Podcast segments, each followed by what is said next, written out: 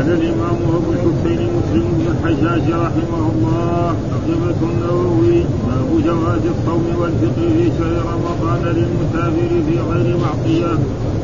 إذا كان سفره مرحلتين فأكثر وأن الأفضل لمن أطاقه بلا ضرر أن يصوم ولمن يشق عليه أن يفطر. قال وحدثني يحيى بن يحيى ومحمد بن رمح قال أخبرنا الليث أم حدثنا قتيبة بن سعيد قال حدثنا ليث عن ابن شهاب عن عبيد الله بن عبد الله بن عتبة عن ابن عباس رضي الله عنهما أنه أخبرهم أن رسول الله صلى الله عليه وسلم خرج عام الفتح في رمضان فصام حتى بلغ السديد ثم افطر قال وكان صحابة رسول الله صلى الله عليه وسلم يتبعون الأحدث فالأحدث من أمره قال وحدثنا يحيى بن يحيى وأبو بكر بن أبي شيبة وعمر النافذ وإسحاق بن إبراهيم. عن سفيان عن الزهري بهذا الإسناد مثله. قال يحيى قال سفيان لا أدري من قول من هو يعني وكان يؤخذ بالآخر من قول رسول الله صلى الله عليه وسلم. قال وحدثني محمد بن رافع. قال حدثنا عبد الرزاق. قال أخبرنا معمر عن الزهري بهذا الإسناد. قال الزهري وكان الفطر آخر الأمرين وإنما يؤخذ من أمر رسول الله صلى الله عليه وسلم بالآخر. بالآخر فالآخر قال الزهري فصبح رسول الله صلى الله عليه وسلم مكة لثلاثة عشرة ليلة خلت من رمضان قال وحدثني حرملة بن يحيى قال أخبرنا ابن وهب قال أخبرني ابن شهاب بهذا الإسناد مثل حديث قال ابن شهاب فكانوا يتبعون الأحدث فالأحدث من أمره ويرونه الناسخ المحكم قال وحدثنا إسحاق بن إبراهيم. قال أخبرنا جرير عن منصور عن مجاهد عن طاووس عن ابن عباس رضي الله عنهما قال سافر رسول الله صلى الله عليه وسلم في رمضان فقام حتى بلغ عسان ثم دعا بإناء فيه شراب فشربه نهارا ليراه الناس. ثم أفطر حتى دخل مكة. قال ابن عباس رضي الله عنهما فصام رسول الله صلى الله عليه وسلم وأفطر. فمن شاء صام ومن شاء أفطر. قال وحدثنا أبو قريب قال حدثنا وكيع عن سفيان عن عبد الكريم عن طاووس عن ابن عباس رضي الله عنهما قال لا تعب على من صام ولا على من أفطر. أصام رسول الله صلى الله عليه وسلم في السفر وأفطر قال وحدثني محمد بن المهنا قال حدثنا عبد الوهاب يعني ابن عبد المجيد قال حدثنا جعفر عن أبيه عن جابر بن عبد الله رضي الله عنهما أن رسول الله صلى الله عليه وسلم خرج عام الفتح إلى مكة في رمضان فقام حتى بلغ قراع عظيم وقام الناس ثم دعا بقدح من ماء فرفعه حتى نظر الناس إليه. ثم شرب فقيل له بعد ذلك إن بعض الناس قد صام فقال أولئك العصاة أولئك العصاة قال وحدثناه قتيبة بن سعيد. قال حدثنا عبد العزيز يعني الدار عن جعفر بن هذا الإسناد وزاد وقيل لهم إن الناس قد شق عليهم الصيام وإنما ينظرون فيما فعلت فدعا بقدح من ماء بعد العصر. قال وحدثنا أبو بكر بن أبي شيبة ومحمد بن وأبو بشار جميعا فقام حتى بلغ بلغ قراع الربيع فقام الناس ثم نحن مما رفعه حتى نظر الناس إليه. ثم شرب فقيل له بعد ذلك إن بعض الناس قد صام فقال أولئك العصاة أولئك العصاة قال وحدثناه قتيبة بن سعيد. قال حدثنا عبد العزيز يعني سار وفي عن شعبان بهذا الإسناد وزاد فقيل لهم إن الناس قد شق عليهم الصيام وإنما يمرون فيما فعل فدعا بقدح من ماء بعد العصر قال وحدثنا أبو بكر بن أبي شيبة ومحمد بن المثنى وابن بشار جميعا عن محمد بن جعفر قال أبو بكر حدثنا غندر عن شعبة عن محمد بن عبد الرحمن بن سعد عن محمد بن عمرو بن الحسن عن جابر بن عبد الله رضي الله عنهما قال كان رسول الله صلى الله عليه وسلم في سفر فرأى رجلا قد اجتمع الناس عليه وقد ظلل عليه فقال ما له؟ قالوا رجل صائم. فقال رسول الله صلى الله عليه وسلم ليس البر أن تصوموا في السفر. قال وحدثنا عبيد الله بن معاذ. قال حدثنا أبي. قال حدثنا شعبة عن محمد بن عبد الرحمن قال سمعت محمد بن عمرو بن الحسن يحدث أنه سمع جابر بن عبد الله رضي الله عنهما يقول رأى رسول الله صلى الله عليه وسلم رجلا بمهله يكفي. لا أعوذ بالله من الشيطان الرجيم. بسم الله الرحمن الرحيم. الحمد لله رب العالمين والصلاة والسلام على سيدنا ونبينا محمد على آله وصحبه وسلم أجمعين. قال الإمام الحافظ أبو الحسين مسلم الحجاج القشيري النيسابوري رحمه الله تعالى والترجمة الذي ترجم بها الإمام النووي باب جواز الصوم والفطر في شهر رمضان للمسافر في غير معصية إذا كان سفره مرحلتين فأكثر وإن الأفضل لمن ضاقه بلا ضرر أن يصوم ولمن يشق عليه أن يفطر. يقول هنا باب جواز الصوم والفطر. يعني المسلم إذا سافر والمكلف إذا سافر آه له أن يصوم وله أن يفطر. إيش الدليل؟ أحاديث وردت عن رسول الله صلى الله عليه وسلم والقرآن. ها آه القرآن يقول كتب عليكم الصيام كما كتب على الذين من قبلكم لعلكم تتقون أياما معدودات. فمن كان منكم مريضا أو على سفر فعدة من أيام أخرى. ها آه يعني إيه؟ فعليه أن يصوم أي الأيام الذي أفطرها. فإذا ترخيص من رسول الله من من الله أن للمسافر له أن يصوم وله أن يفطر. هذا تقريبا ولكن حصل خلاف بين الأئمة من قديم يعني آه من عهد الصحابة وعهد التابعين والأئمة فالبعض يرى أنه لا يجوز له أن يصوم. إذا سافر لازم يفطر. وذلك مثل إيه؟ آه داود الظاهري. نعم وكذلك الآن الزهري ذكر هنا ابن شهاب. مين الزهري ده ابن شهاب هذا شيخ المحدثين في الحجاز فمسألة فيها خلاف. ولما ننظر إلى الأحاديث كلها ونتتبعها يظهر أن رسول الله صلى الله عليه وسلم قد سافر في رمضان في نعم في عام الفتح وكان قد يصوم صام مدة أيام ثم بعد ذلك أفطر ها ثم جاءت أحد. فإذا القول الصحيح أن من شق عليه الصيام يفطر. ومن لم يتعب ما في مشقة عليه نعم نعم له أن يصوم. يعني هذا تقريبا وهناك مسائل وقلنا المسائل الفرعية التي تحدث بين العلماء لا يجعل إيه يعني شقاق في ذلك ولا خصومة ولا غير ذلك. آه فاذا الإنسان إذا سافر ولكن يكون هذا السفر سفر إيه طاعة أو سفر مباح. أما سفر معصية يبغى يروح يسرق أو يبغى ينهب أو يرتكب معاصي آه فهذا نعم ليس له أن يفطر نعم هذا. فيقول باب جواز الصوم في شهر رمضان للمسافر في غير معصية. ها بشرط أن لا يكون في مسافر فإذا كان مسافر عشان يقطع الطرق ها نعم أو ينهب أو يفعل كذا أو يقتل إنسانا أو إذا كان سفره مرحلتين هذا تقريبا رأوا أن أن الرسول صلى الله عليه وسلم يعني بعض العلماء يقول ما في دليل بس السفر الذي يسمى سفر مثلا واحد يبغى يروح إلى قبه ما يفطر ما يسمى سفر رايح إلى ابيار علي.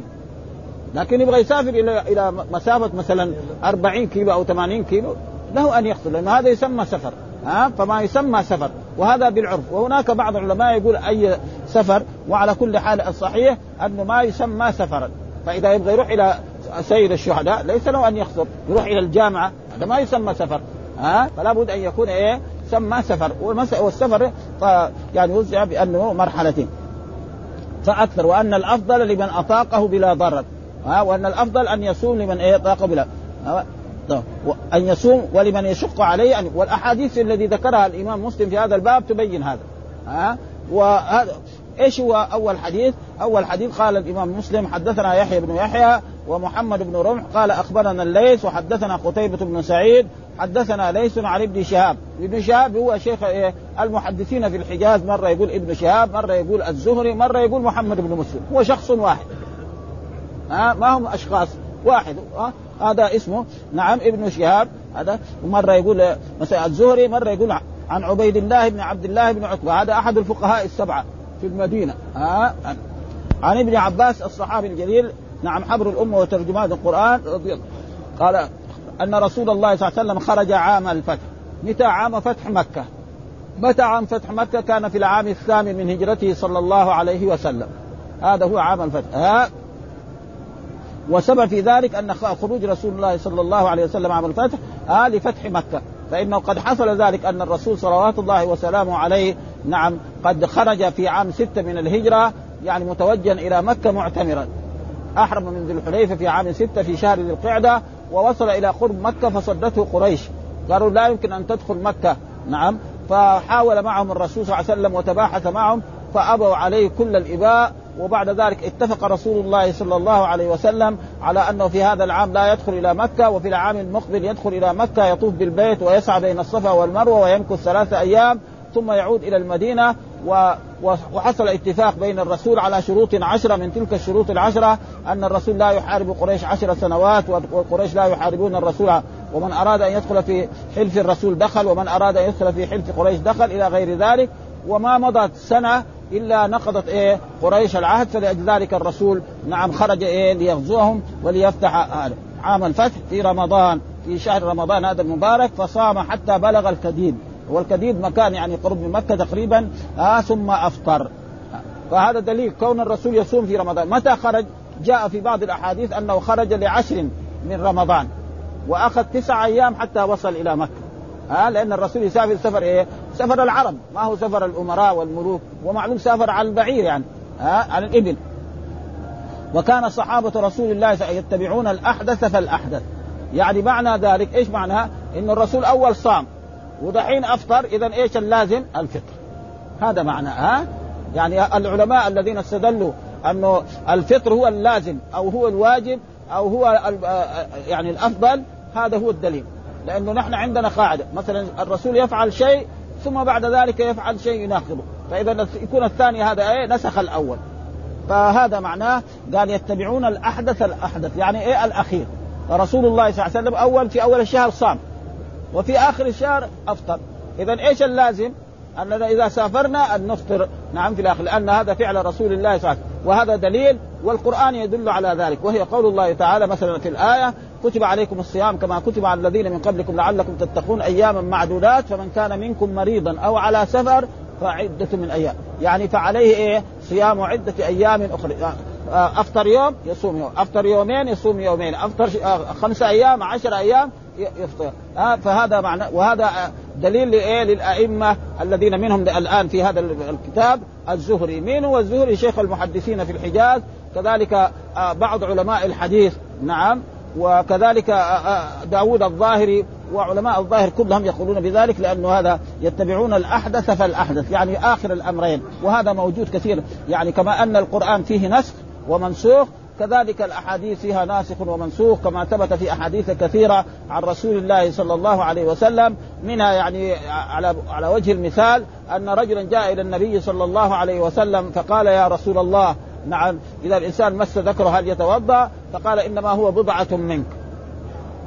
يعني بضعة زي كأنه مسك يده هل ينتقض الجواب لا. ها وجاء في حديث آخر أن جاء عن رسول الله صلى الله عليه وسلم من مس ذكره فليتوضأ. ها فإذا إيه من مس ذكره فليتباشر فلذلك الناسخ والمنسوخ والقرآن ذكر ما ننسخ من آية أو ننسها نأتي بخير منها أو مثلها وهل القرآن السنة تنسخ القرآن؟ لا ها ما تنسخ. إنما القرآن ينسخ القرآن والسنة تنسخ القرآن. إنما السنة تأتي توضح إيه؟ القرآن وتبينه. ها يعني ما ما في آية يعني حديث نسخ آية من القرآن. هذا لا يوجد ابدا. ها سنة تنسخ. سنة هذا موجود. نعم تيجي مثلا يعني تقيده وتوضحه مثل لا وصية لوارث. ها لا وصية لوارث.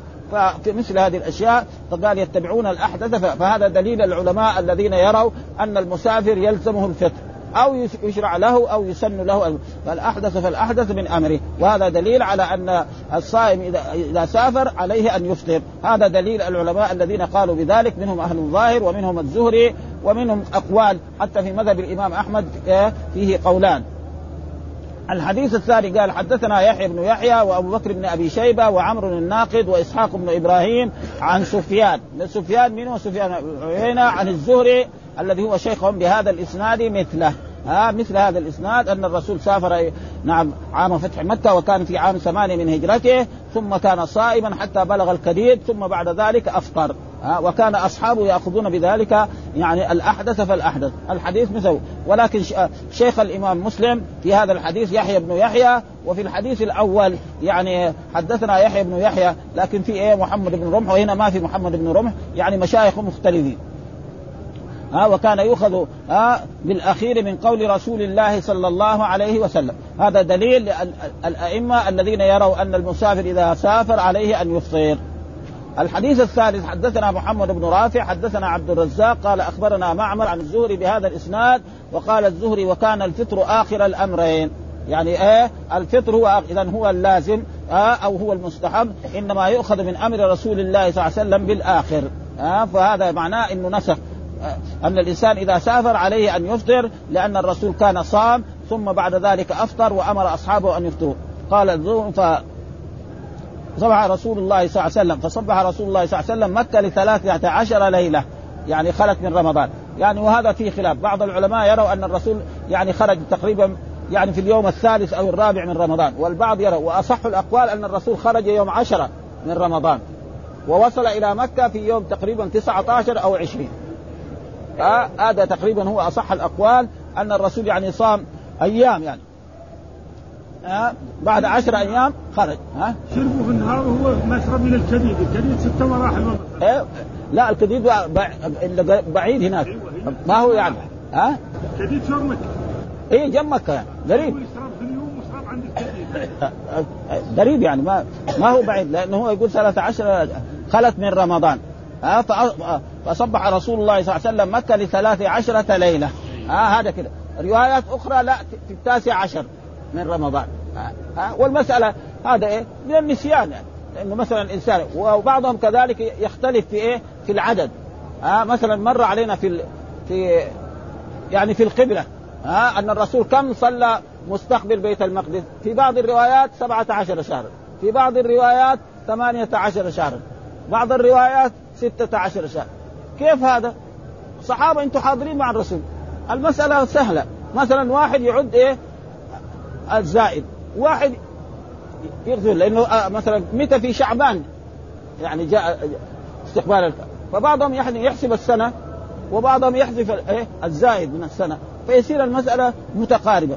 آه خلت من رمضان. وأصح الأقوال أنها يعني في التاسع عشر أو في العشرين من شهر رمضان وسيأتي بحديث يدل على ذلك. وحدثنا حرملة بن يحيى أخبرنا ابن وهب أخبرني يونس عن ابن شهاب بهذا الإسناد مثل حديث الليل. قال ابن شهاب فكانوا يتبعون الأحدث فالأحدث ها من أمره ويرونه الناسخ المحكم. يعني اللازم أن الإنسان إذا سافر وهو نعم صائم إذا خرج يفطر. لأن الرسول بعدما كان صام أفطر فإذا هذا نسخ إيه الصيام والقرآن يدل على ذلك. هذا ما ونحن نقرأ برضو الشيء الذي كتبه الإمام النووي في هذا قال ولمن اختلف العلماء في صوم رمضان في السفر فقال بعض أهل الظاهر لا يصح صوم رمضان في السفر فإن صامه لم ينعقد لأن الله يقول فعدة من أيام أخر ويقول هنا كان آخر الأمر أن يعني الصحابة كانوا ويجب قضاءه لظاهر الآية والحديث ليس من البر الصيام في السفر. جاء في حديث ليس من البر البر معناه خصال الخير. ها يعني كل شيء أمر به الرسول أو آه رغب فيه يسمى زي الآية. ليس البر أن تولوا وجوهكم قبل المشرق والمغرب ولكن البر من آمن بالله. وفي الحديث الآخر أولئك العصاة. ها لما بلغ الرسول صلى الله عليه وسلم أنه بعدما أفطر هو أن بعض من أصحابه قد صاموا فقال أولئك العصاة أولئك العصاة. وهذه أدلة ثلاثة تدل على أن الإنسان إذا سافر عليه أن يفطر. ها؟ إيش الدليل؟ الآية فعده من أيام أخر وكان الرسول كان صائم ثم أفطر ثم لما قيل له هناك ناس قال ليس من البر الصيام في السفر ثم قال أولئك العصاة أولئك العصاة. هذا دليلهم. ولكن تيجي أدلة أخرى تبين أنه يجوز له وهو حديث أن رجلا جاء إلى النبي صلى الله عليه وسلم فقال يا رسول الله أنا رجل يعني أسافر دائما أنا عندي إبل نعم أكريها للناس وأسافر معه. فكوني أصوم مع الناس أفضل لي. بعد ذلك بعد ما متى؟ أنا ما بدي أجلس دائما أنا مسافر. فقال له الرسول إن شئت قال إن شئت فصوم وإن شئت فأفطر. وهذا بعد ذلك. فاذا المسألة فإذا كان يتعب ويتأثر جاء في أحاديث عن رسول الله صلى الله عليه وسلم آه ذهب المفطرون بالأجل. آه آه فإذا جاء مثلا يجي المفطرون لما يجوا في المحطة ينزلوا نعم يساووا الخيام واتوا بالماء والصائمين يروح يترموا تحت في الشجر. فالذي يخدم اخوانه المسلمين في السفر أفضل من إيه؟ من يجي يترمي في يبغى من يخدمه. آه فلذلك الذي يشق عليه نعم يفطر والذي لا يشق عليه الآن في عصرنا هذا يعني في إيه؟ خصوصا الصيام في أيام الشتاء. آه مثل هذه الأيام. ما في تعب ابدا. ثم السفر بالسيارات بالطائرات. واحد يسافر بالطائر ويفطر. ما نقول له ليش تفطر؟ كيف يبغى يفطر يتفضل. ها؟ إذا حب يصوم يصوم. يعني يفطر يعني سنة. لا ما نقول سنة له مخير. أما سنة لا. ها؟ هذا هذا. ها؟ فإن تضرر هذا هو. قال وش واختلفوا في أن الصوم أفضل أم الفطر هما سواء. فقال مالك وأبو حنيفة والشافعي والأكثرون الصوم أفضل. ها؟ لمن؟ ها؟ أفضل لمن أطاق بلا مشقة ظاهرة ولا ضر فإن تضرر به فالفطر أفضل. واحتجوا بصوم النبي صلى الله عليه وسلم وعبد الله بن رواحة. جاء في أحاديث مرت علينا أن الرسول ما الصحابة كلهم كانوا مفطرين إلا الرسول صلى الله عليه وسلم وعبد الله بن رواحة. فإذا فهم من ذلك أن هذا جائز وهذا جائز ولكن إذا في مشقة فالفطر أفضل. وحكاه بعض أصحاب. وغيرهما وبغير ذلك من الأحاديث. ولأنه يحصل به براءة الذمة في الحال. كون الإنسان يؤدي الواجب الآن ولا يأخر بل يموت. يصير ما صاب ها؟ فلأجل ذلك هذا تقريبا وقال سعيد بن المسيب والأوزاعي وأحمد وإسحاق وغيرهم الفطر أفضل. يعني سعيد بن المسيب إيه؟ سيد التابعين هذا. والأوزاعي هذا إمامنا وأحمد وهو احمد بن حنبل وإسحاق بن راهوي وغيرهم الفطر وهم هذول أهل أهل الحديث. وحكاه بعض أصحابنا قولا للشافعي وهو غريب واحتج بما سبق لأهل الظاهر وبحديث حمزة بن عمرو الأسلم المذكور في مسلم في آخر الباب وهو قوله وهي رخصة من الله فمن أخذ بها فحسن ومن أحب أن يصوم فلا جناح عليه. وظاهره ترجيح الفطر وأجاب الأكثرون بأن هذا كله في من يخاف ضررا أو يجد مشقة كما هو صريح في الأحاديث واعتمدوا حديث أبي سعيد الخدري المذكور في الباب قال كنا نغزو مع رسول الله صلى الله عليه وسلم في رمضان فمنا الصائم ومنا المفطر. لا ينكر الصائم على المفطر ولا المفطر على الصائم ها؟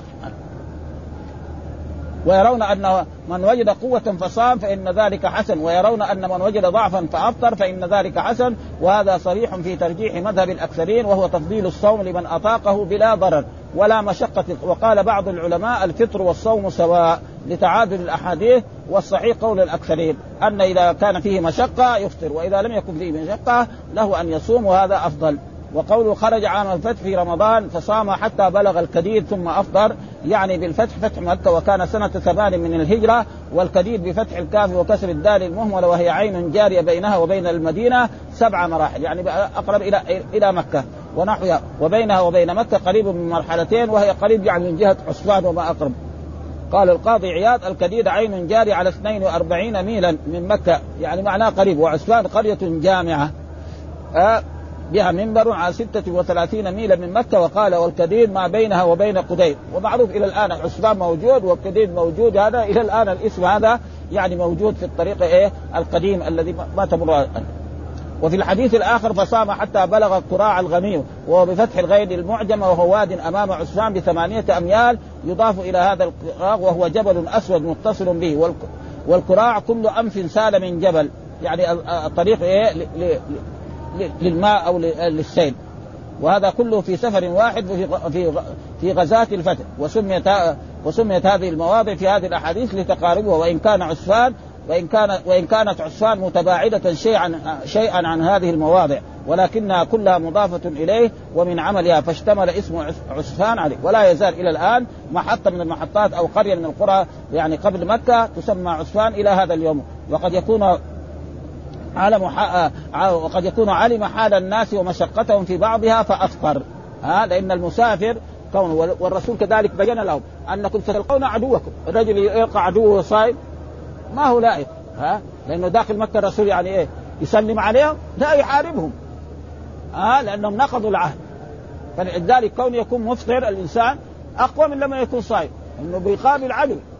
وهذا سليم جدا. فلأجل ذلك كان هذا الخلاف. على هذا فأفطر وأمرهم بالفطر في بعض. وهذا كلام القاضي وهو كما قال آه إلا في مسألة عسفان فإن المشهور أن على أربعة برد من مكة وكل بريد أربعة فراسخ، البريد أربع فراسخ وكل فرسخ ثلاث أميال فالجملة ثمانية وأربعون ميلا، هذا هو الصواب المعروف الذي قاله الجمهور فصام حتى بلغ الكدير فيه, فيه دليل لمذهب الجمهور أن الصوم والفطرة جائزان وفيه أن المسافر له أن يصوم بعض رمضان بعض رمضان دون بعض ولا يلزمه أن يصوم لأن الرسول الآن كان صائم ثم أفطر. فبقيت الأيام الباقية إيه؟ في بعض العلماء يقول لا إذا ابتدأ الصيام لازم يتمم. هذا ما في دليل على ذلك. القرآن يدل فعدة من أيام أخرى. فيصوم أيام ويفطر. ثم إذا وجد نشاط كمان بعد ما فطر يبغى يصوم يتفضل. أو وجد تعب له أن يفطر. وقد غلط بعض العلماء في فهم هذا الحديث. فتوهم أن الكديد وكراع الغميم قريب من المدينة وإن وإن قوله فصام حتى بلغ وكراع الغميم وكان اليوم الذي خرج فيه من المدينة. وهذا تقريبا صحيح. ها الكراع دائما هو يعني حول الساحل يعني. ها كراع الغميم. وكان ابدا قبل السيارات يعني تكثر والطرق هذه تعبد. كانت السيارات تغرز في هذه الجهات. ها ويقعدوا أيام في إيه؟ في الطين الموجود هناك. ابدا ولكن الآن ما في أشياء من هذا. واستدل هذا القائل على أنه إذا سافر بعد طلوع الفجر صائما له أن يفطر في يومه. ومذهب الشافعي والجمهور أنه لا يجوز الفطر في ذلك اليوم وإنما يجوز لمن طلع عليه الفجر في آه في السفر.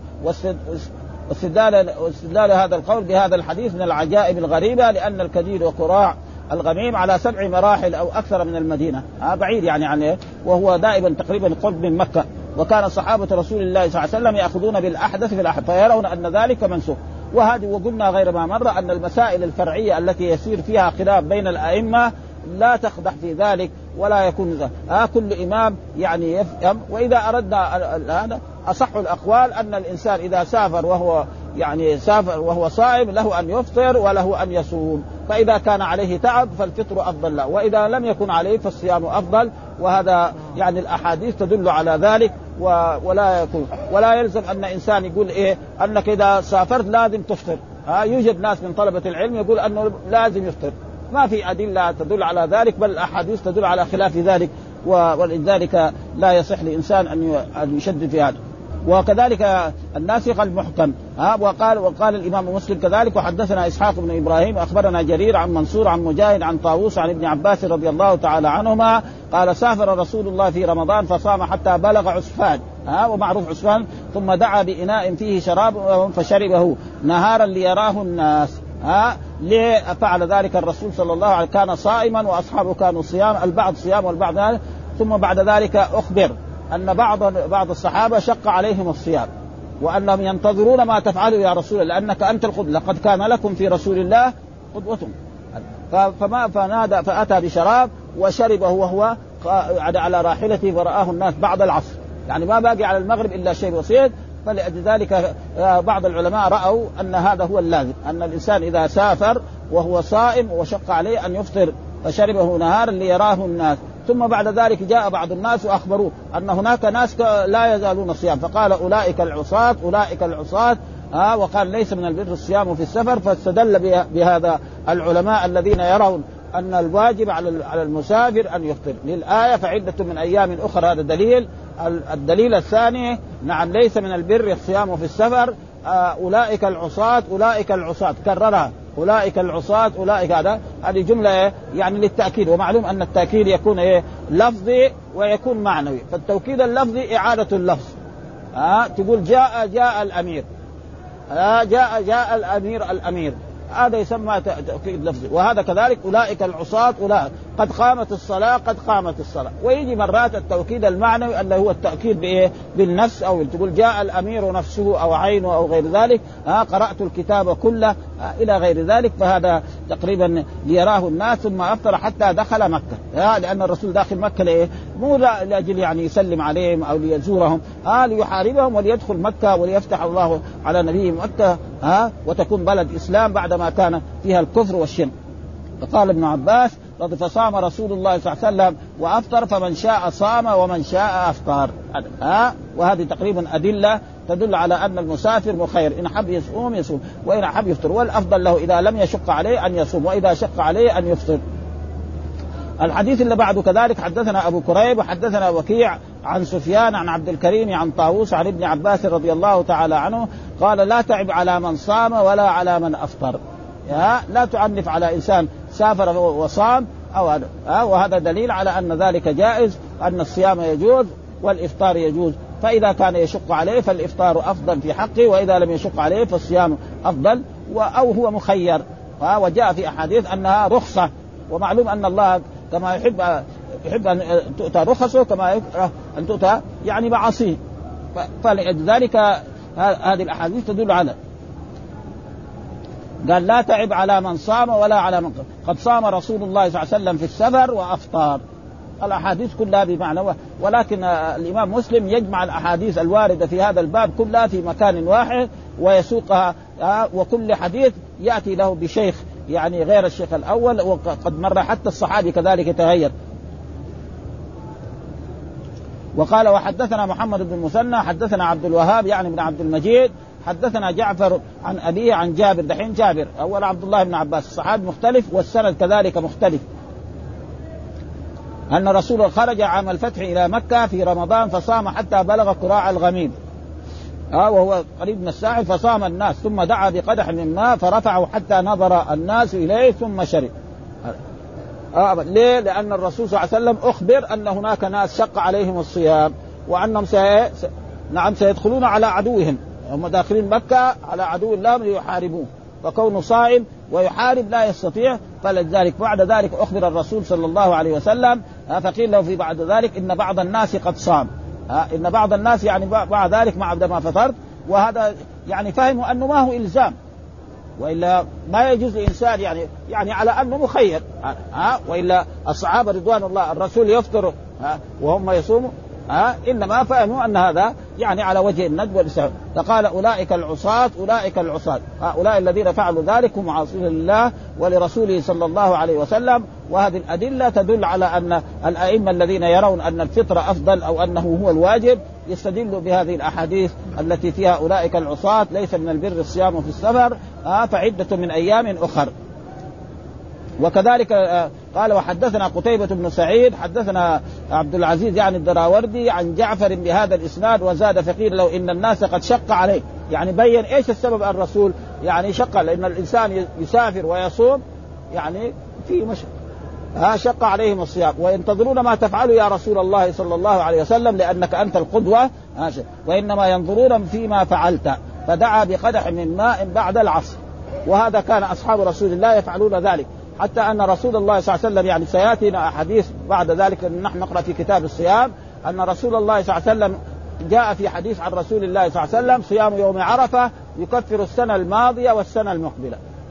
ولما حج رسول الله صلى الله عليه وسلم عام في حجة الوداع فالصحابة صار عندهم شك هل الرسول صائم؟ لأنه قال لنا في المدينة صيام واليوم في عرفة هل هو صائم أو ما هو صائم؟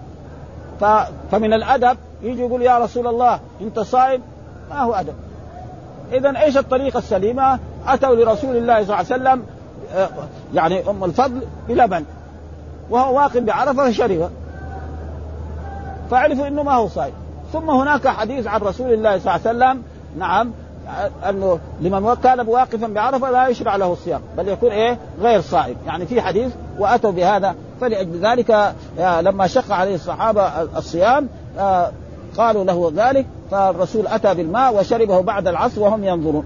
فالجميع تقريبا أفطر. وهناك أشخاص يمكن ما أفطروا قالوا إنه هذا الأمر ليس على وجه الوجوب. فقال الرسول أولئك العصاة أولئك ها بما بعد العصر فشرب ها, ها. وإذا شرب معناه صار إيه؟ مفطر.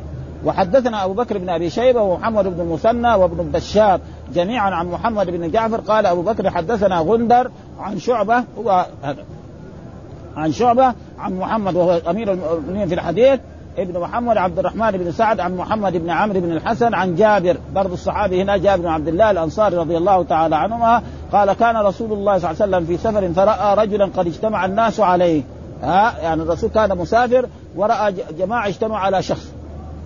ها؟ قد ذلل يعني جابوا إيه؟ صوب كده وحطوه عشان من شدة إيه؟ التعب من شدة الحرارة. فقال فقال ما له؟ قال رجل صائم. هذا رجل صائم وقد تعب في الصيام. فقال رسول ليس البر أن تصوموا في السفر.